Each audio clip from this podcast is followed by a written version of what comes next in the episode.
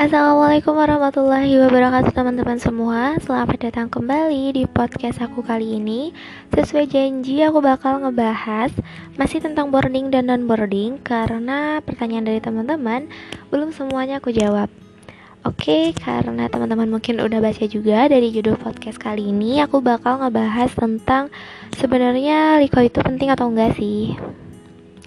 Oke, langsung aja ya. Bismillahirrahmanirrahim kita tuh ya kan manusia.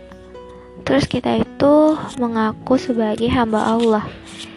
Kita mengaku sebagai seorang muslim dan muslimah. Ya kalau kita mengakui ini semua kita tuh nggak bakal pernah loh bisa jauh dari agama kita. Kita nggak bakal pernah bisa lepas dari agama kita. Maksudnya gimana? Ya kita kan hidup dengan agama kita ya. Kita bisa hidup karena Allah. Dan tujuan hidup kita ya kembali ke Allah. Gimana caranya kita meraih ridho Allah biar Allah meridhoi kita buat masuk surga? Ya nggak sih?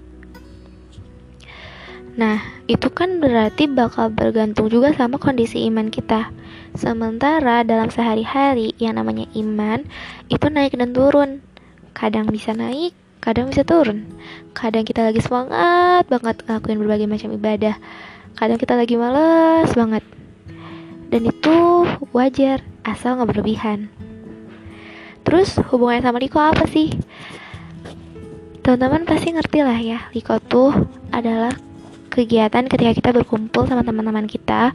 Terus di sana kita belajar bareng-bareng dengan satu kakak mentor atau murabi Terus kalau misalkan cuma sekedar mencari ilmu, ya kenapa harus di Liko? Kan kita bisa datang ke kajian ustadz-ustadz atau ke kajian yang diadain rutin di masjid-masjid gitu. Ya bisa sih, gak salah. Cuman, apakah itu rutin? Enggak kan? Jadi, di sinilah pentingnya Liko adalah ketika kita bisa merutinkan diri datang ke majelis ilmu dan kita berkumpul dengan teman-teman soleh. Itu justru pak di sanalah titik terpenting kenapa kita harus liko karena kan kalau kita di lingkungan non boarding ya teman-teman bakal bang bakal sangat berkurang nih yang namanya ilmu agama yang kita pahamin atau ilmu agama baru yang kita tahu gitu. Beda sama di boarding yang kayaknya tuh dari kita bangun sampai tidur dari kita di asrama terus kita ke masjid terus kita ke sekolah ke masjid lagi ke asrama masjid lagi sampai kita tidur itu ada aja ilmu agama yang kita dapetin. Bahkan sekedar dari speaker atau toa yang selalu dibunyiin di asrama gitu ada aja kan ilmu agama yang didapat dari sana Nah, kalau di lingkungan boarding itu nggak ada. Harus kita sendiri yang mandiri, harus kita sendiri yang searching.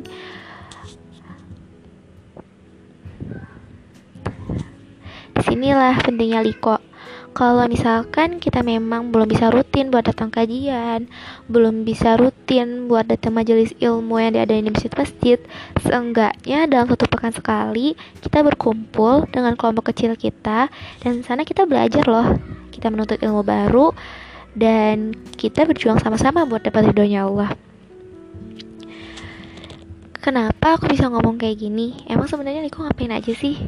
Ya itu tadi ya ketemu temen. Terus kita belajar lagi ilmu agama kita. Terus kan tadi aku udah singgung juga ya di awal kalau misalkan ilman itu naik dan turun. Dan kalau misalnya kita datang iko menurut aku pribadi ini tuh bener-bener bisa banget buat ngecharge iman kita. Di saat kita mungkin lagi jenuh sama urusan duniawi kita lagi jenuh mungkin sama pelajaran kita pelajaran-pelajaran yang diajarkan di sekolah atau di kampus terus kita bisa kumpul lagi kita bisa refreshing loh. Kita ketemu teman dan kita belajar belajar kita belajar ilmu yang gak kita pelajarin di tempat biasa. Dan ilmu itu tentang agama. Ya mungkin tentang fikih mungkin tentang siroh mungkin tentang hikmah apa pun itu itu tuh bisa buat ngecas iman kita sehingga selesai liko tuh kita bisa bangkit lagi kita bisa semangat lagi. Kalau misalkan memang iman kita saat itu lagi turun. Terus apalagi selain itu di Liko juga kan ada yang namanya checklist amal yaumi ya dulu aku juga sekolah mikir kenapa sih kita tuh ibadah aja harus di hitung-hitung kenapa kita ibadah aja harus dicatat gitu? Terus udah gitu catatannya harus dilihatin lagi ke murabi kita. Harus diliatin gitu loh ke orang lain. Kan kesannya ria gitu ya. Ibadah tuh ya buat diri kita sendiri aja gitu nggak usah orang lain tahu aku yakin mungkin ada teman-teman yang berpikir sama kayak aku gini. Tapi sekarang aku baru menyadari. Checklist amal yaumi itu sebenarnya yang perlu tuh kita loh yang butuh itu diri kita sendiri bukan murabi kita. Murabi kita tuh ya tugas beliau hanyalah membimbing kita dan memastikan agar ta agar target amal yaumi itu tuh tercapai. Sebenarnya pada akhirnya akan merasakan dampak dan manfaatnya kan diri kita sendiri ya Nah, di sinilah aku berpikir, tadi iman kita kan naik turun ya. Terus iman naik turun itu sedikit banyak pasti berpengaruh juga sama intensitas ibadah kita. Amal yom itu kan ya ibadah ya, amal sehari-hari kita gitu. Sholatnya berapa rakaat dalam sehari, tilawahnya berapa halaman, terus ngebantu orang tuanya berapa banyak, dan lain sebagainya.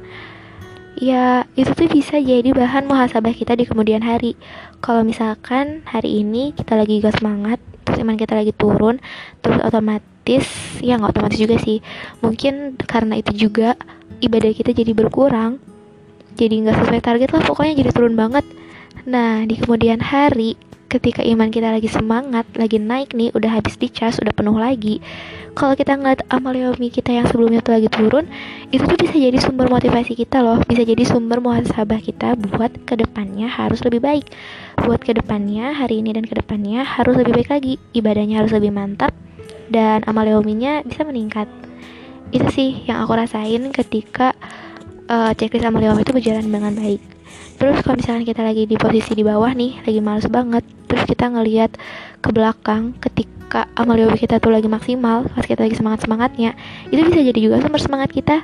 Kita jadi mikir kayak iya ya kemarin tuh aku pernah loh sem sesemangat ini aku puasanya full dalam seminggu. Maksudnya tuh kayak sesuai target gitu seminggu dua kali terus tilawahnya sehari tercapai target rokaat sholatnya tercapai kenapa hari ini aku nggak bisa? Kemarin aja aku bisa jadi itu motivasinya itu berasal dari diri kita sendiri, bukan berasal dari orang lain. Jadi kan itu sesuai kemampuan kita gitu. Ngerti gak sih? Ngerti lah ya. nah, itu sih yang aku rasain hikmah dari kenapa sih kita harus mengisi amal yaumi ini. Terus selain checklist amal yaumi, di Liko ini kan juga ada ziyadah sama murojaah hafalan Al-Quran ya. Ya mungkin sesuai dengan kebijakan uh, kelompok masing-masing ya. Cuman gak sedikit dari liko-liko ini yang uh, mengadakan murajaah dan ziyadah hafalan Al-Quran. Meskipun yang pastinya sih pasti ada tilawah ya, tilawah Al-Quran. Ya aku yakin sih teman-teman nanti ketika di luar sana kita tuh perlu tempat, kita perlu uh, media buat kita itu murajaah hafalan Al-Quran kita. Atau buat teman-teman yang mungkin masih yang belum selesai gitu ya yang mau menambah hafalan lagi pasti perlu medianya kan buat setoran. Karena kita nggak bisa loh aku udah ngerasain ketika aku ngafal sendirian nggak dibimbing sama siapa pun gitu ya nggak ada guru itu susah banget. Susah banget kita memang perlu yang namanya tempat buat setor hafalan Al-Quran kita atau merojaah hafalan Al-Quran kita. Dan Liko ini bisa jadi salah satu jalan keluarnya. Ya mungkin teman-teman bisa aja sih ikutan uh, bimbingan les Al-Quran gitu atau ngaji di mana gitu ya bisa aja. Itu semua berga itu semua tergantung ke teman-teman. Tapi kalaupun enggak ya seenggaknya kita kan ada liko. Jadi bisa murajaah dan ziyadah hafal Al-Quran di liko ini. Dan yang terakhir yang paling penting sebenarnya kalau menurut aku selain itu semua kan kita belajar ya. Kalau belajar tuh udah poin utama lah dari liko ini kita kan ketemu. Terus menurut aku nih ini yang paling keren ya. Ketika kita liko itu kan kelompoknya kecil ya. Jadi belajar dengan metode diskusi itu akan sangat hidup dan metode diskusi ini rasanya sih kalau menurut aku itu lebih masuk dibanding ketika kita hanya ketika kita belajar hanya mendengarkan dari satu pihak. Jadi nggak terjadi namanya metode, pembelajaran yang dua pihak gitu loh. Kita cuma sekedar mendengarkan tanpa kita bisa mungkin bertanya hal-hal yang gak kita ngerti atau kita bisa mengajukan pendapat kita kalau misalkan ada hal yang rasanya tuh kurang pas gitu. Nah kalau Liko ini kan kelompoknya kecil terus metode belajarnya juga kan sharing metode belajarnya diskusi dan ini tuh bisa lebih masuk ke otak kita kalau aku sih mikirnya gitu ya Oke, mungkin itu sih pentingnya Liko. Oh ya, buat sumber motivasi. Mungkin di sini juga banyak di antara teman-teman yang umi abi, mama papa, ayah bundanya sampai saat ini masih ikut Liko. Ayah sama bundaku juga sih, alhamdulillah sampai saat ini masih ikut Liko. Dan ini bisa jadi sumber motivasi kita loh. Kan terbukti ya bahwa yang namanya mempelajari ilmu agama, mengupgrade ilmu agama kita, mencharge iman kita, itu tuh nggak cuman gak, gak cuman sampai ketika kita oke okay nih sekarang kita keluar kita keluar boarding. Terus kita masuk kuliah. Terus kuliah kita udahan aja gitu likonya. Ya enggak sampai kita mati. Yang namanya mengupgrade ilmu agama itu penting itu perlu. Ya orang tua kita aja yang mereka tuh punya kesibukan di tempat kerjanya. Terus mereka juga punya kesibukan di rumah ngurus keluarga. Masih sempat kok buat ngeluangin waktunya datang ke liko. Buat ada hafalan mereka mungkin atau murojaah hafalan mereka orang tua kita aja loh yang punya kesibukan yang lebih dari kita aja bisa masa kita yang mungkin nanti statusnya hanya sebagai seorang siswa atau mahasiswa. Nggak bisa sih. Oke mungkin segini dulu tentang Liko. Balik lagi aku pertegas ini semua hanyalah pendapat aku sudut pandang aku. Teman-teman boleh setuju boleh enggak silahkan ambil yang baiknya dan buang yang buruknya.